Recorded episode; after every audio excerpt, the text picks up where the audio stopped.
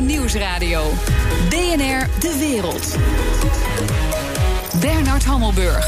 Welkom bij het beste binnenlandse programma over het buitenland. Hier live vanaf de faculteit Governance and Global Affairs van de Universiteit Leiden in Den Haag. Straks, we zijn er nog maar net weg en nu willen de Fransen alweer onze steun in Mali. Moeten we dit soort missies nog wel willen? Daarvoor spreek ik zo met Martijn van Helvert, buitenlandwoordvoerder van het CDA in de Tweede Kamer. Maar nu eerst. Saoedi-Arabië, Iran, Jemen en langs de zijlijn Amerika en Israël. Alweer woedt een conflict dat de wereldvrede bedreigt. En we zitten nog midden in de drama's in Afghanistan, Syrië en Libië en ga zo maar door. Hoe moeten we ermee omgaan als lid van de Europese Unie, de VN, de NAVO, ook als land zelf? Daarover praat ik met Bert Koenders, hoogleraar Vrede, Recht en Veiligheid hier aan de Universiteit Leiden. En oud-minister van Buitenlandse Zaken. En daar hadden we het net over.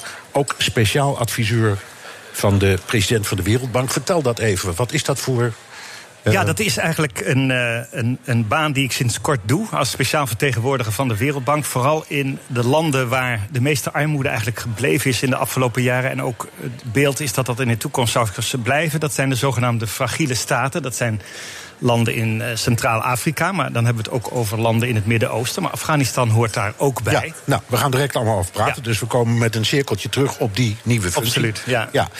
Um, we beginnen met de actualiteit natuurlijk. Die aanval op Aramco in Saudi-Arabië. Allerlei theorieën.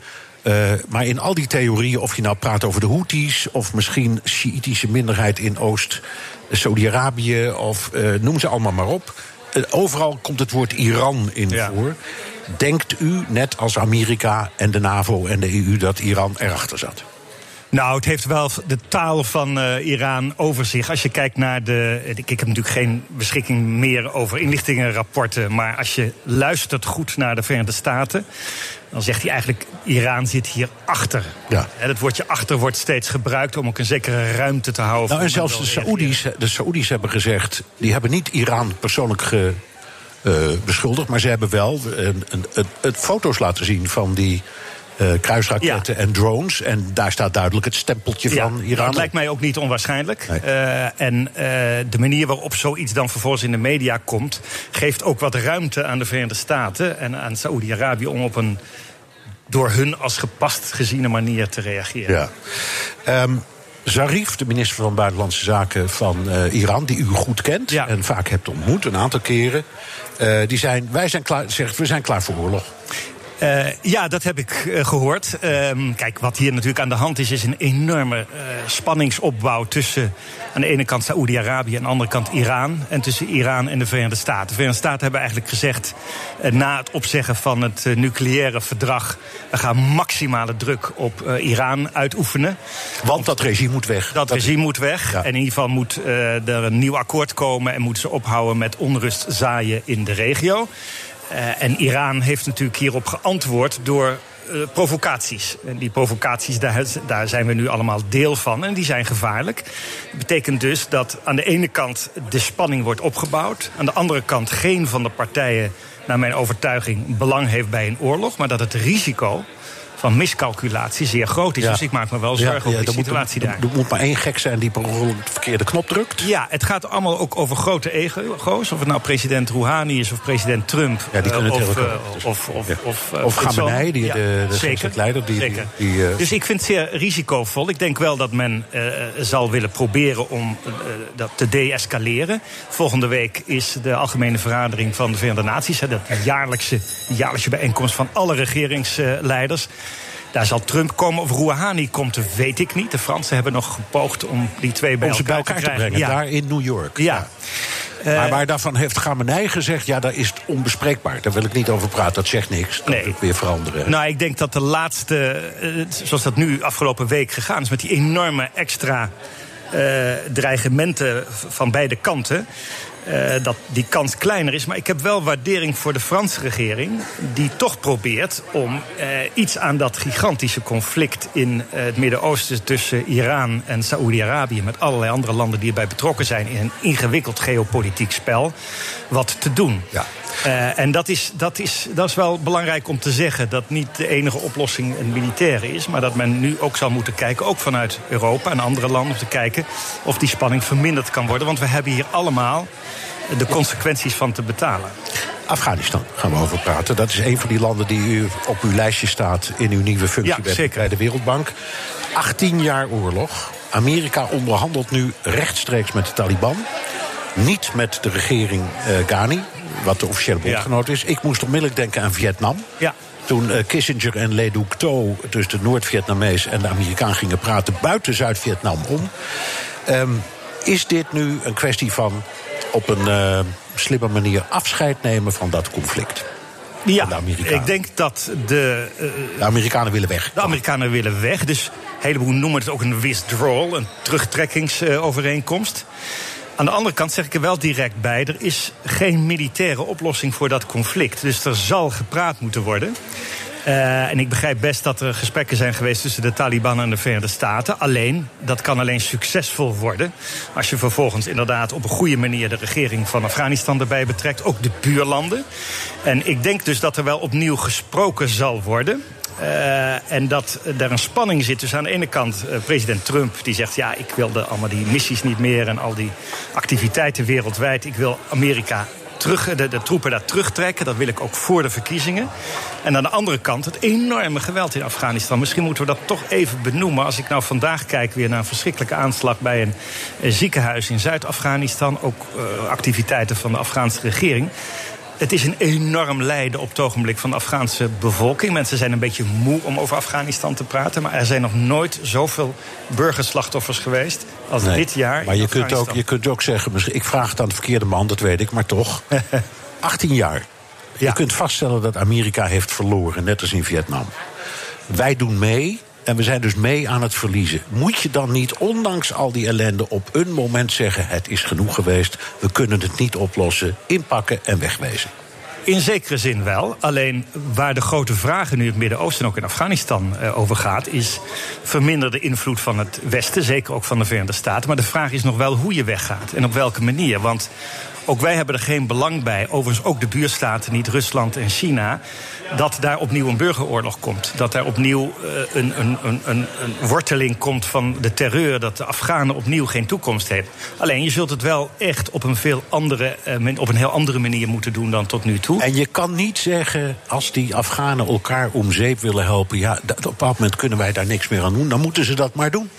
Uh, nou ja, Afghanistan is een, een, een conflict van, van eeuwen oud. De laatste 40 jaar heeft men in conflict geleverd. Ik geloof niet dat het Westen daar op zich een oplossing voor kan vinden. Er zijn wel wat andere nog. Het is niet zo dat je of interveneert of je doet niks. Uh, ik wijs er wel op dat uh, Afghanistan voor alle landen in de regio, maar ook voor de wereld nog steeds een belangrijke instabiele factor is. En dat je dus ook veel meer gezamenlijk in een nieuwe wereldwanorde daar moet proberen een oplossing voor te creëren. En daarom vind ik die gesprekken op zich wel goed. Maar het is natuurlijk idioot dat de regering daar niet bij betrokken is geweest. Maar ook, ook andere landen niet, inclusief bijvoorbeeld de Nederlanders en de Europeanen die daar ook nog troepen hebben. we zitten daar nog en we worden er niet bij betrokken. Um, even heel snel, want we hebben eigenlijk even stop, maar het niet te min. Um, artikel 97 van de Nederlandse grondwet zegt... we hebben een krijgsmacht voor twee doelen. Dat is om het vaderland te beschermen... en om deel te nemen aan vredesmissies, zeg ik maar even in mijn woorden. Ja. De internationale rechtsorde. Uh, moet je in zo'n geval als dit dan niet zeggen... nou, dan maar niet, want uh, ja, sorry hoor. Nou, in feite zijn we natuurlijk in heel beperkte mate nog maar aanwezig in Afghanistan. Het gaat om trainers en dat is eigenlijk al een afscheid. Ja. als je kijkt wat we hadden voor troepen tussen 2006 en 2010.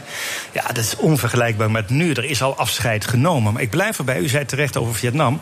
De manier waarop je afscheid neemt, doet er nog wel toe. Wat laat je achter? Zowel aan ontwikkeling uh, als aan uh, ja, support in dit geval voor de Afghaanse veiligheidstroepen. En ben je ook bereid, Nederland is erg timide, vind ik, diplomatiek op deze terreinen op het ogenblik, om ook internationaal wat te doen uh, hieraan. Oké, okay, zo dadelijk. Fouten uit het verleden zijn geen garantie voor succes in de toekomst. BNR Nieuwsradio. BNR De Wereld. Live vanaf de faculteit Governance and Global Affairs van de Universiteit Leiden in Den Haag. Ik praat verder met Bert Koenders, hoogleraar Vrede, Recht en Veiligheid, oud-minister van Buitenlandse Zaken. Uh, meneer Koenders, u bent ervaringsdeskundige. Ik zeg dat zo even heel snel, maar u was ook minister van Ontwikkelingssamenwerking.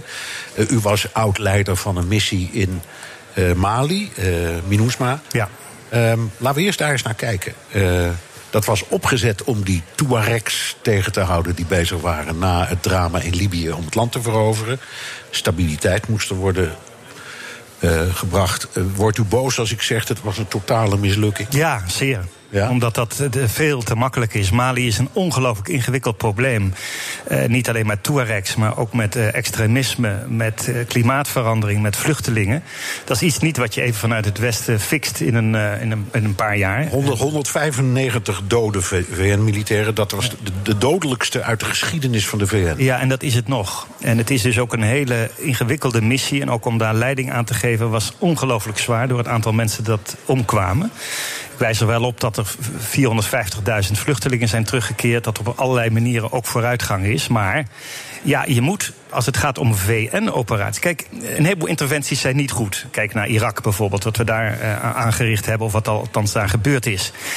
Bij VN-vredesoperaties, die hebben een slechte naam. Maar als je naar, de, naar, het onderzoek, wat ook hier gedaan wordt, kijkt, is dat over het algemeen uh, een paar na. In, in, in Rwanda is bijvoorbeeld niet ingegrepen.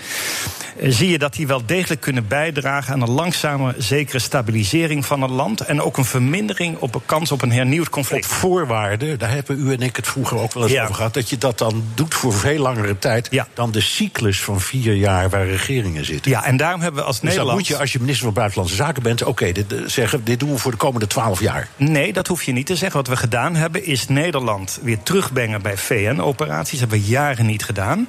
En we hebben tegelijkertijd gewerkt aan een zogenaamd rotatieschema. Nederland is natuurlijk niet een supermacht. Ik begrijp ook heel goed dat we niet als Nederland daar zomaar twaalf jaar kunnen blijven.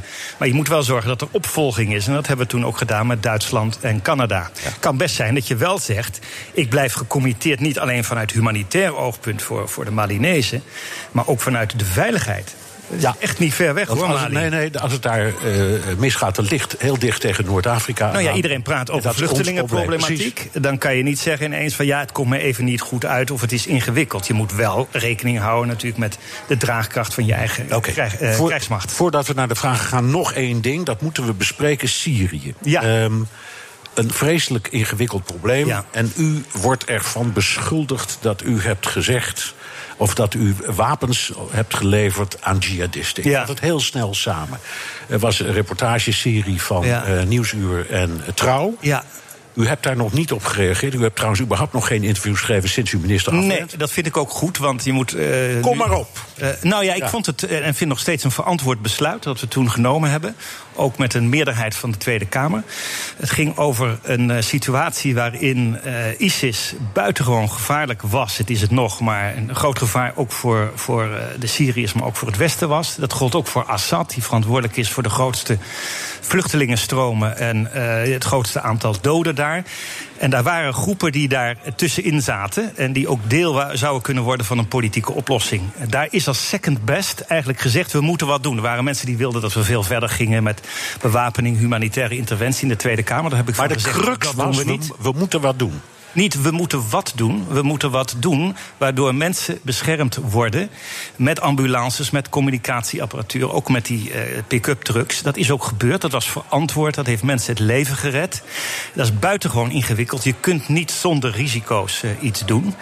Eh, en ik begrijp heel goed dat er trouwens discussie over is. En dat je ook aan een toetsingskader werkt. Maar één ding zeg ik u erbij.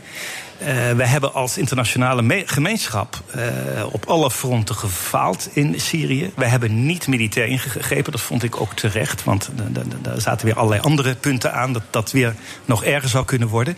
Maar dit als een onderdeel van onze bijdrage was uh, verantwoord, was noodzakelijk en heeft ook in die periode geholpen. Al heeft het daarna, omdat Maar even, Russen zijn geïngineerd, nog, et cetera. Even, nog even man en paard. Ja. Hebt u, meneer Koenders, destijds meegewerkt aan het leveren van wapens aan jihadisten? Nee, we hebben geen wapens geleverd. Uh, iedereen weet dat het gaat om zogenaamde non Maar het waren jihadisten. Het waren geen jihadisten, het waren uh, organisaties die ook aan tafel zaten bij het vredesoverleg in uh, Genève. En de term jihadist, daar is ook in de kranten veel over geschreven. Kijk eens, uh, je leeft wel in een land waar het niet allemaal precies mensen zijn zoals u en ik, maar het waren mensen die opstonden, die gevochten hebben tegen ISIS en die in een bepaalde fase beschermd zijn. Maar laten we eerlijk zijn, het was een second best oplossing.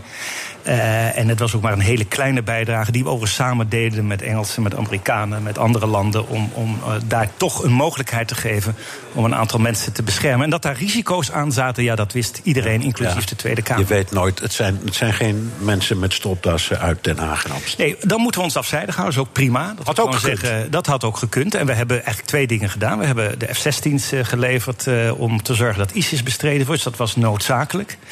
we hebben ontwikkelingssamenwerking en humanitaire hulp. Kan je zeggen, ja, heeft dat geholpen? Ja, voor de mensen die toen Niet geholpen zijn wel. Okay. Uh, ik ben blij dat u erop wil reageren, want u had dat nog niet gedaan. En uw, uw woord ontbrak aan dit verhaal. ja, ik vond dat ook uh, moeilijk om te doen. Niet zozeer omdat ik uh, dat niet wilde, want ik, ik, ik stond daar een beetje bij te kijken bij dat nieuws. Maar zo is het ook een beetje te gebruiken in Nederland terecht. Op dat moment is het is, moet dat verdelen. Die wil je ook niet voor de voeten nee, lopen. En dat doe ik ook nu niet. We gaan naar een veel belangrijker onderdeel van dit programma, namelijk vragen van de mensen uit de zaal. Uh, gaat u gang. Uh, Khalid Ahmed Chaudhry. Meneer Bert Koenders, ik heb twee vragen. De eerste is over Afghanistan. Denkt u niet dat een regering van nationale eenheid is de enige oplossing waar alle partijen zitten in, de, in het kabinet. Omwille van de tijd, kunt u meteen uw tweede okay, vraag stellen? Oké, en de tweede vraag is... we hebben niks gehoord over occupied Jammu en Kashmir. Sinds afgelopen 40 dagen. Ja. Kashmir is in lockdown. De mensen, de miljoenen mensen hebben helemaal geen contact met de buitenwereld. Okay. Duizenden jongeren zijn in het, gevangenis het, het genomen. En, het, en, en, de, en, de, en de verkrachting, en alles gaat door. En wij praten helemaal niks over, omdat we hebben een gevaarlijke situatie in Zuid-Azië. Twee kernmachten, Pakistan en India. En wij hebben mogelijkheid voor een kernoorlog. Dank u. Het is duidelijk, dank u wel. Ja, wat het eerste punt betreft, ik moet snel, het is allemaal veel, veel gecompliceerder, maar één, ik ben voor verdere onderhandelingen in Afghanistan. Daar zal ook de regering van, van uh, president Ghani bij betrokken moeten worden. Er zijn nu eerst verkiezingen. In ieder geval zal er iets van een interimregering moeten komen. En het liefst zo spoedig mogelijk. Ik ben bang voor het enorme geweld nu tijdens de verkiezingen. Uh, dus laat ook de Verenigde Naties volgende week. Ik hoop ook Nederland, Europa, andere landen. Afghanistan nu even niet overlaten alleen aan de Amerikanen en de Taliban, maar ook daarbij betrokken raken. En er zijn ook andere uh, grootmachten zoals China en Rusland die daar best bij in de buurt zouden kunnen komen. Ze zijn het vaak oneens, maar hier zou best een vergelijk kunnen komen. Dat betreft India en uh, Kashmir en, en, Pakistan. Laat ik uw, uw oproep steunen. In de zin dat ik vind dat daar totaal gebrek aan internationale interesse is. Je ziet dat de wereld snel verschoven is. Dat alles wat te maken heeft met mensenrechten of uh, ja, dingen die eigenlijk nu niet in de openbaarheid zitten, gauw het slachtoffer worden van grotere geopolitieke spellen. Ja. spellen. En het is terecht dat u daar aandacht voor vraagt. Het zijn twee kernmachten. Het gaat om twee fors nationalistische machten ook. Uh, er is daar een risico dat niet onderschat mag worden. En als ik als daarmee mag besluiten, sowieso de nucleaire problematiek is een die lijkt van de jaren tachtig, maar die opnieuw grote actualiteit in de wereld uh, even, heeft. Even een kleine pitch. Bij BNR hebben we heel veel aandacht besteed hoor. Ah, ook, ook, aan Modi en ook aan deze. Oké, okay, goed. Perfect, volgende ja. vraag. Gaat u gang. Justin Spruit, student bestuurskunde aan deze faculteit. Ik vroeg me af wat, welke prestatie aan, tijdens uw deelname aan uh, meerdere kabinetten bent u trots? Ah, ja, trots moet je altijd. Dat, we zijn een bescheiden land, je mag nooit te veel zeggen. Ik vind wat we destijds hebben gedaan aan de hervorming van de Nederlandse ontwikkelingssamenwerking eh, enorm belangrijk. Gemoderniseerd samen met de private sector. Opgeleid met wat nu de benodigdheden zijn in een totaal veranderende wereld. Ik vind wat we gedaan hebben op het terrein met mensenrechten in Jemen. Uh, een, een, een, echt een strijd geweest, ook met, met landen in het Midden-Oosten.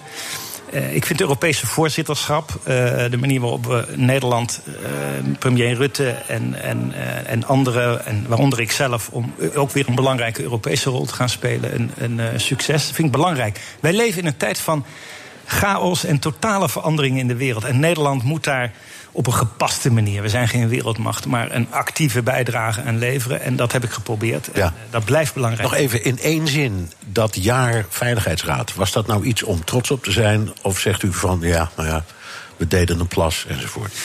Nou, ik, voor mij was het dat was best, wel een beetje frustratie. Want ik heb aan een campagne meegedaan en kon vervolgens niet eh, minister zijn gedurende dat eh, voorzitterschap. Dat hebben mijn opvolgers voor eh, gedaan. Daar heb ik verder ook geen oordeel over. Ik blijf het belangrijk vinden dat Nederland daar lid was van het belangrijkste orgaan over vrede en veiligheid. Juist op een moment dat dat orgaan een beetje ondergraven wordt door grote verschillen van mening tussen de grootmachten.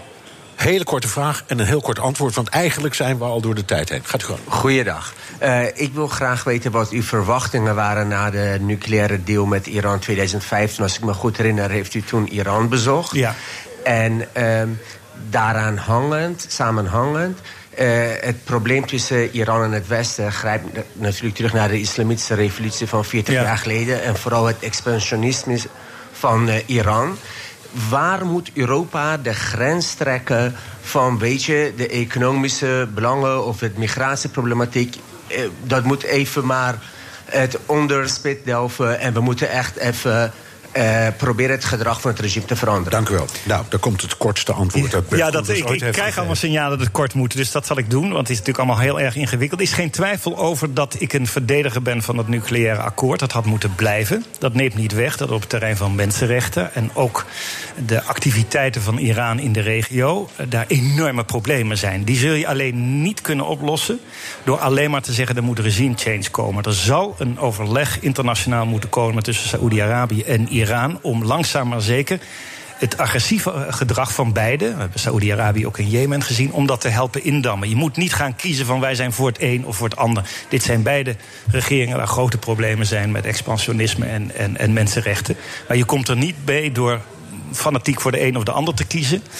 Eh, of te denken dat je dat eh, makkelijk kunt oplossen door regime change aan een van beide kanten. Die tijd is denk ik voorbij en is ook averecht aan het werken. Dank Bert Koenders, hoogleraar Vrede, Recht en Veiligheid hier aan de Universiteit Leiden en oud-minister van Buitenlandse Zaken. U blijft nog even tot Ja, straks. zeker. Want na de- deze live-uitzending gaan we online nog even verder met vragen. Ja. Heel hartelijk dank. BNR Nieuwsradio. BNR De Wereld. Bernard Hammelburg. Het lijkt erop dat Boris Johnson echt probeert tot een Brexit-akkoord te komen met de EU. De Britse premier heeft nu eindelijk, na heel lang gemor vanuit Brussel, plannen opgestuurd. Op papier en netjes uitgeschreven. Maar wat staat erin?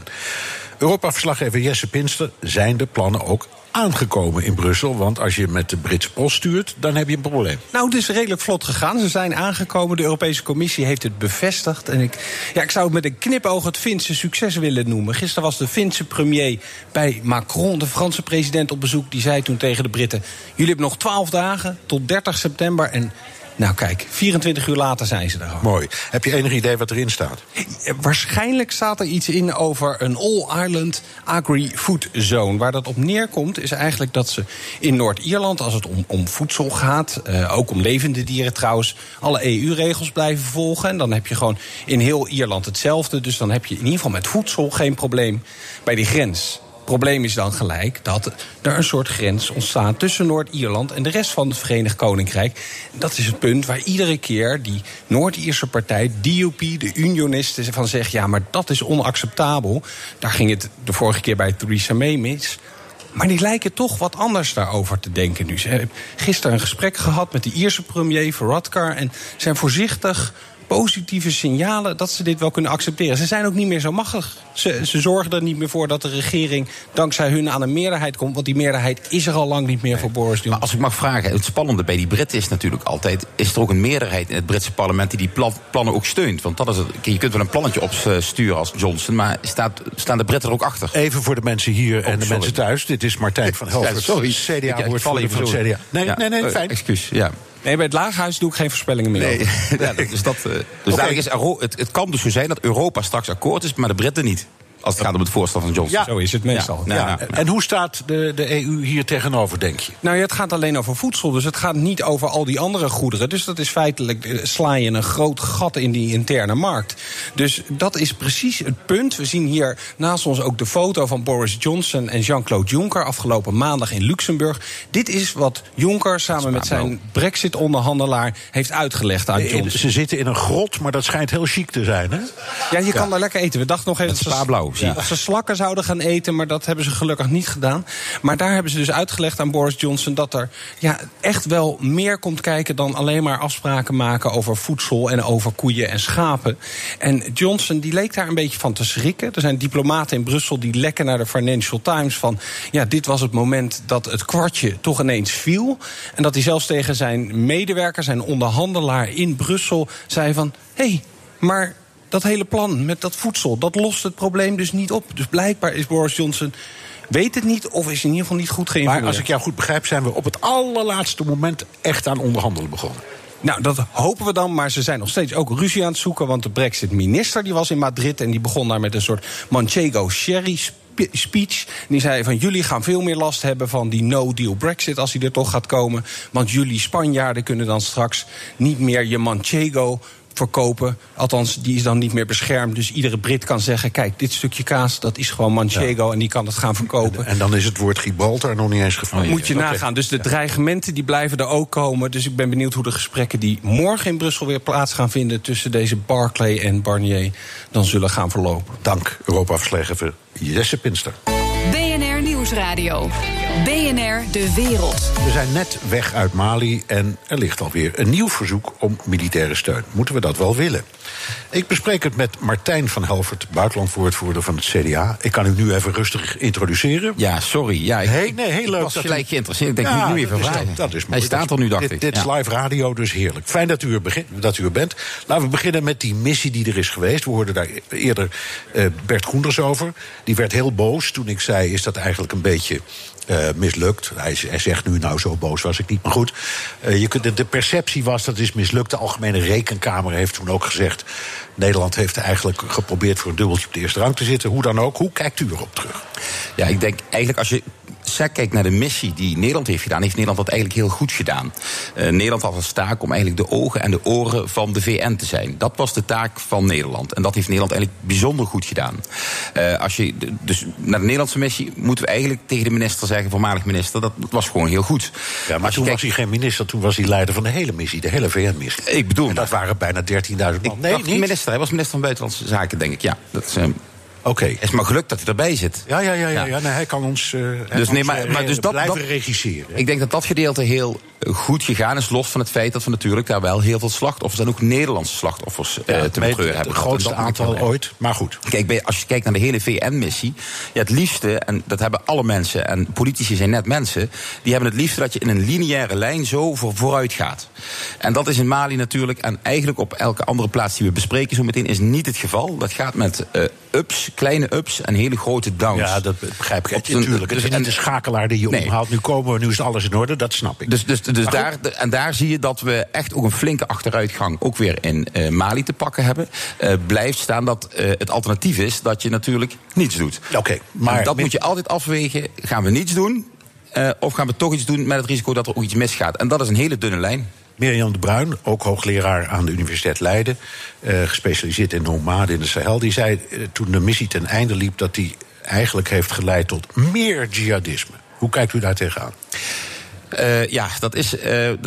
ik snap dat mensen dat zeggen en dat er ook jihadisten opstaan. Op het moment dat je met een buitenlandse macht, want zo wordt het gezien, daar naar binnen komt, zijn er altijd groepen die zeggen: hé, hey, dat is een buitenlandse macht, wij staan op en gaan knokken. Eh, en dan klopt het dat door die VN-missie eh jihadisten zijn opgestaan.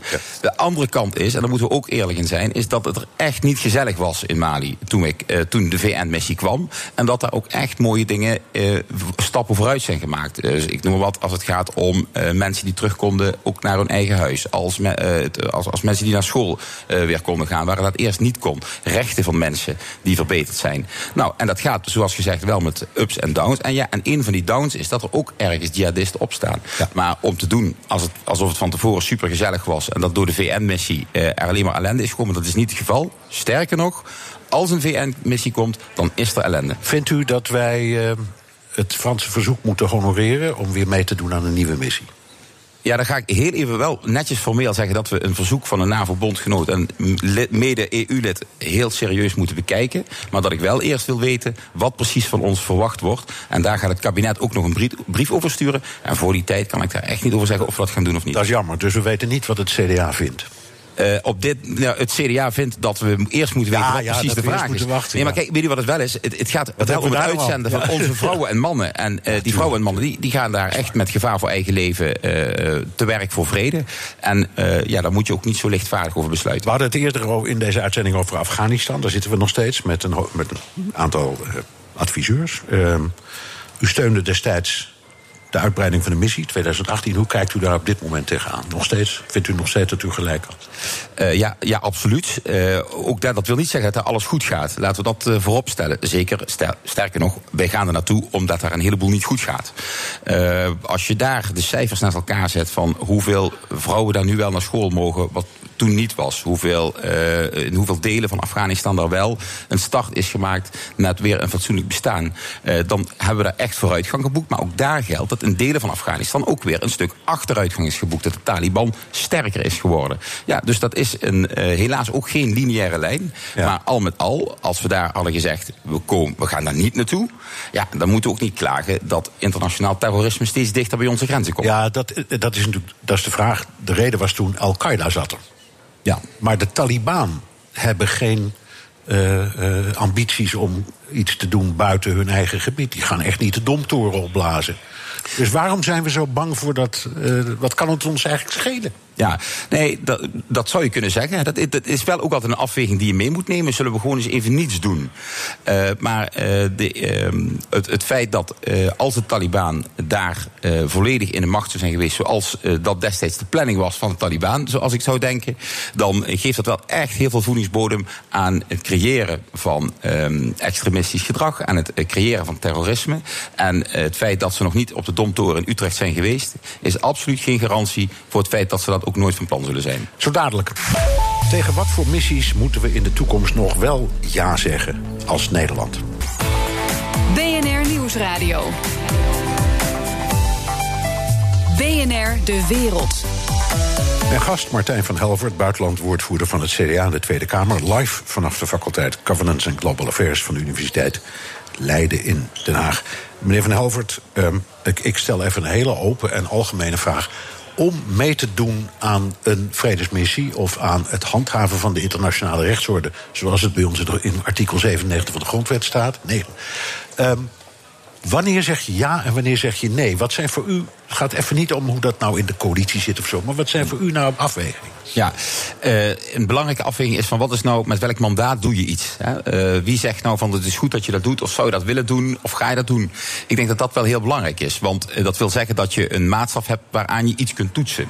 En dat, is, dat kan heel irritant klinken. Hè? Dat hebben we ook over het verhaal van Syrië, daar sprak de voormalige minister van Buitenlandse Zaken net ook al over. Daar heb je discussie achteraf en vooraf, moet je dat doen of niet? Oké, okay, even heel duidelijk. En dan moet je... Er bestaat iets dat heet een volkenrechtelijk mandaat. Ja. Dat, dat kan zijn een resolutie van de Veiligheidsraad. Ja, bijvoorbeeld. Het kan zijn dat een land zelf vraagt om uh, assistentie. Ja.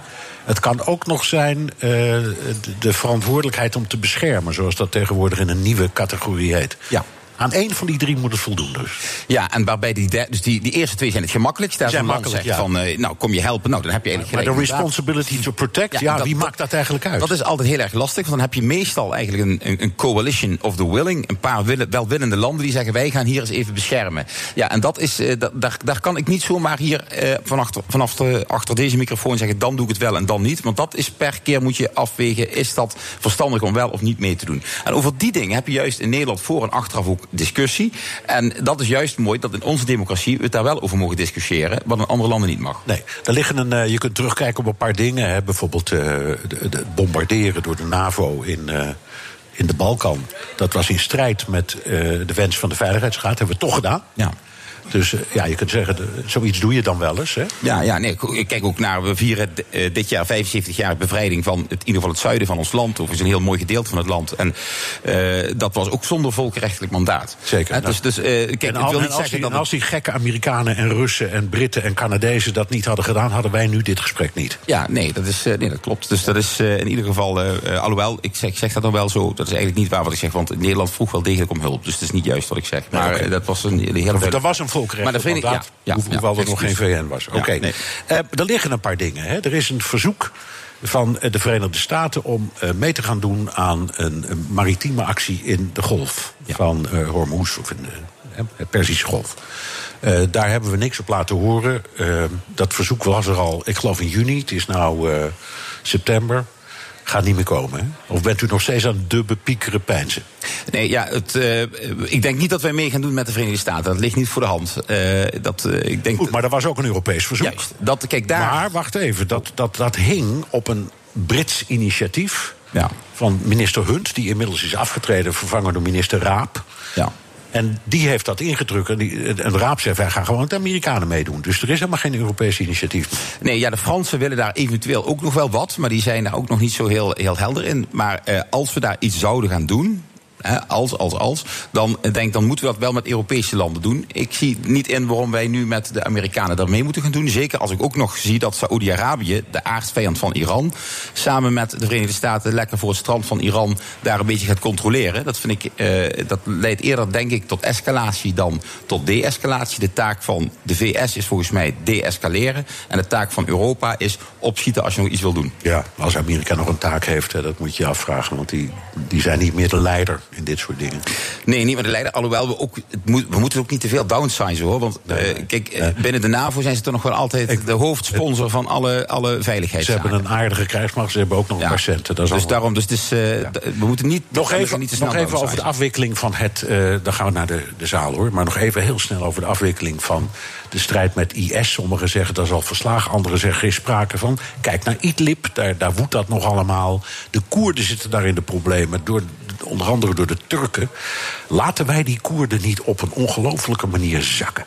Wij Nederlanders. We hebben het Nederlandse parlement geschreeuwd om steun aan de Peshmerga. En die, dat waren de enige dappere mensen. En, en, en ik heb het gevoel dat we ze compleet laten zakken. U ook? Eh, het liefste zou ik zeggen, laten wij die Koerden gigantisch gaan helpen daar. Alhoewel ik niet gelijk zie, als ik dan aan, laat ik van Nederland dan spreken, zie ik even niet hoe. Ik zie niet direct dat wij daar met het, een Nederlandse militaire inbreng naartoe Nee, moeten maar dat gaan. hoeft ook niet. Want het feit dat u zegt, laten we ze steunen... kan ook betekenen, laten we andere eh, landen met veel invloed... bij elkaar roepen en samen stellen dat we ze niet laten zakken. Dat is ook al wat. Dat is zeker wat, want als de Koerden. Ja, de Koerden hebben toch het, het, het smerige werk eh, tegen ISIS eh, echt gedaan. Eh, en, ja, en hebben in delen van Syrië nu toch zaken goed onder controle. Dus we moeten ze zeker moeten niet laten zakken. dankbaar Dus het punt is, ik, zou, ik heb ook destijds tegen, ook tegen de ambassadeur van de Verenigde Staten gezegd: wij vinden het heel belangrijk dat de Verenigde Staten daar ook nog even nu blijven. Ja. Maar en dan zegt hij: en gaan jullie helpen? Ja, daar kan ik niet gelijk. Nee, ja stuur zeggen, maar wij want die zijn zo zitten. Ja, Nou, dat was de truc van Hoekstra. lastig. Maar Dus goed, dat ik zelf ook hij wordt misschien directeur van de CIA, hoorde ik. Ja, Dus weet. Oké, goed, we gaan eens naar vragen uit de zaal. Gaat u gang. Uh, mijn naam is Tom Buitelaar. Ik ben promovendus aan het European Un- University Institute in Florence, in Italië. Mijn vraag is eigenlijk vrij kort. Uh, wat vindt u van het gebruik van VN-vredesmissies voor contraterrorisme, zoals bijvoorbeeld vechten tegen ISIS of vechten tegen Al-Qaeda in Maghreb, in Mali, zoals sommige westerse landen uh, gesuggereerd hebben? Eh, dank. Overigens, als je toch moet studeren, dan is het wel een mooie plek om te studeren. Ja, ik zeggen, Florence, kan is- slechter. Is eh, Ja. niet verkeerd. Eh, en de vraag is wat ik vind van die VN-vragen. van, vanuit de VN, zegt u, hè? Vre- ja, vrede, Ja. vredesmissies. Nou, ik denk eh, als de VN zegt wij gaan eh, eh, contra-terrorisme missies doen, denk ik dat het heel mooi is als juist de VN dat doet. Want dat is toch, je kunt van alles zeggen over de VN, dat dingen niet snel genoeg gaan en dat het langzaam en stroperig is. Maar het is wel het enige platform in de wereld waar vrijwel alle landen nog met elkaar spreken. En als de VN zegt wij gaan dit doen, ja, dan dat, dat vind ik is misschien wel het mooiste mandaat wat je kunt hebben. Volgende vraag, gaat u gang. Uh, meneer Van, van Helvert, Khalid Ahmed Chaudhry. Ik heb twee vragen. Een paar jaar geleden, de, de heer Jaap de Hofscheffer. Hij zei tijdens een debat dat naast huidige Afghanistan nog een Afghanistan is aan het worden. En deze keer in Afrika. Dus welke land bedoelde hij? En de tweede vraag eh, aan u is: in mijn eigen debat, toen de uh, chief of uh, Joint Task Force, de voormalige defensie van chef, generaal uh, Tom Middendorp, heb ik hem gezegd: Afghanistan is een kwekerij van terrorisme geworden. En vanuit Afghanistan, verspreiding van terrorisme in regio. Pakistan zelf, land van mijn herkomst, 70.000 mensen hebben hun leven verloren. Ik wil niet onbeleefd zijn, maar wat is uw vraag? Okay, mijn vraag aan u is: wie is verantwoordelijk voor Afghanistanse huidige situatie? En denkt u wel dat ooit International Criminal Court zou uh, over, uh, een uh, proces beginnen tegen de oorlog misdadigen in Afghanistan? Dank u. Ja, äh, vraag 1, wat ja, toen Scheffer toen bedoelde, dat vind ik ook lastig om nu te zeggen. Dus laat ik snel doorgaan naar vraag 2. Uh, um, ja, wie is nu verantwoordelijk? Buiten uh, de mensen van Afghanistan zelf natuurlijk. Er zijn daar heel veel buitenlandse krachten aan het werk geweest. En ik denk dat de internationale gemeenschap nu Afghanistan ook niet zomaar kan laten zakken. Uh, dus de vraag is, hoe gaan we zorgen dat we daar op termijn, en het liefst natuurlijk zo snel mogelijk als mogelijk weg kunnen. Maar dat het wel acceptabel is dat de mensen zelf er iets van kunnen maken. En dat is nu nog heel erg lastig. Ja. En daar hebben wij ook een taak in, daarom zijn we er ook. Uh, en zijn er ook vele anderen. Maar daarom zijn we ook met z'n allen aan het kijken... welke gesprekken kunnen wij met wie gaan voeren... zodat we wel ooit een keer hier weg kunnen. Het is niet te doen dat wij voor eeuwig in Afghanistan blijven zitten. Nee, maar ik vind het toch wel heel belangrijk... we hebben het thema in deze uitzending al een paar keer eerder gehad. Um, je moet je afvragen, als zo'n land... als de bevolking zegt, wij kunnen best leven met die Taliban... hoe wij daar ook over denken... Is dan het idee van de verspreiding van terrorisme niet net als wat de Amerikanen deden in de oorlog in Vietnam? Het ging tegen de verspreiding van het communisme en nu gaat het tegen de verspreiding van het terrorisme. Het zijn misschien gewoon drogredeneringen. Ja, dat zou dus zeggen dat er geen terrorisme zou zijn. Ja, ik denk dat, dat, dat daar te veel aanwijzingen voor zijn dat het, er niet, dat het echt niet goed ging. En ook op plaatsen nog niet goed gaat. Maar wat wel zo is, je hebt natuurlijk altijd de, de, de bestaande meningen van landen. En je hebt de praktijk op de grond.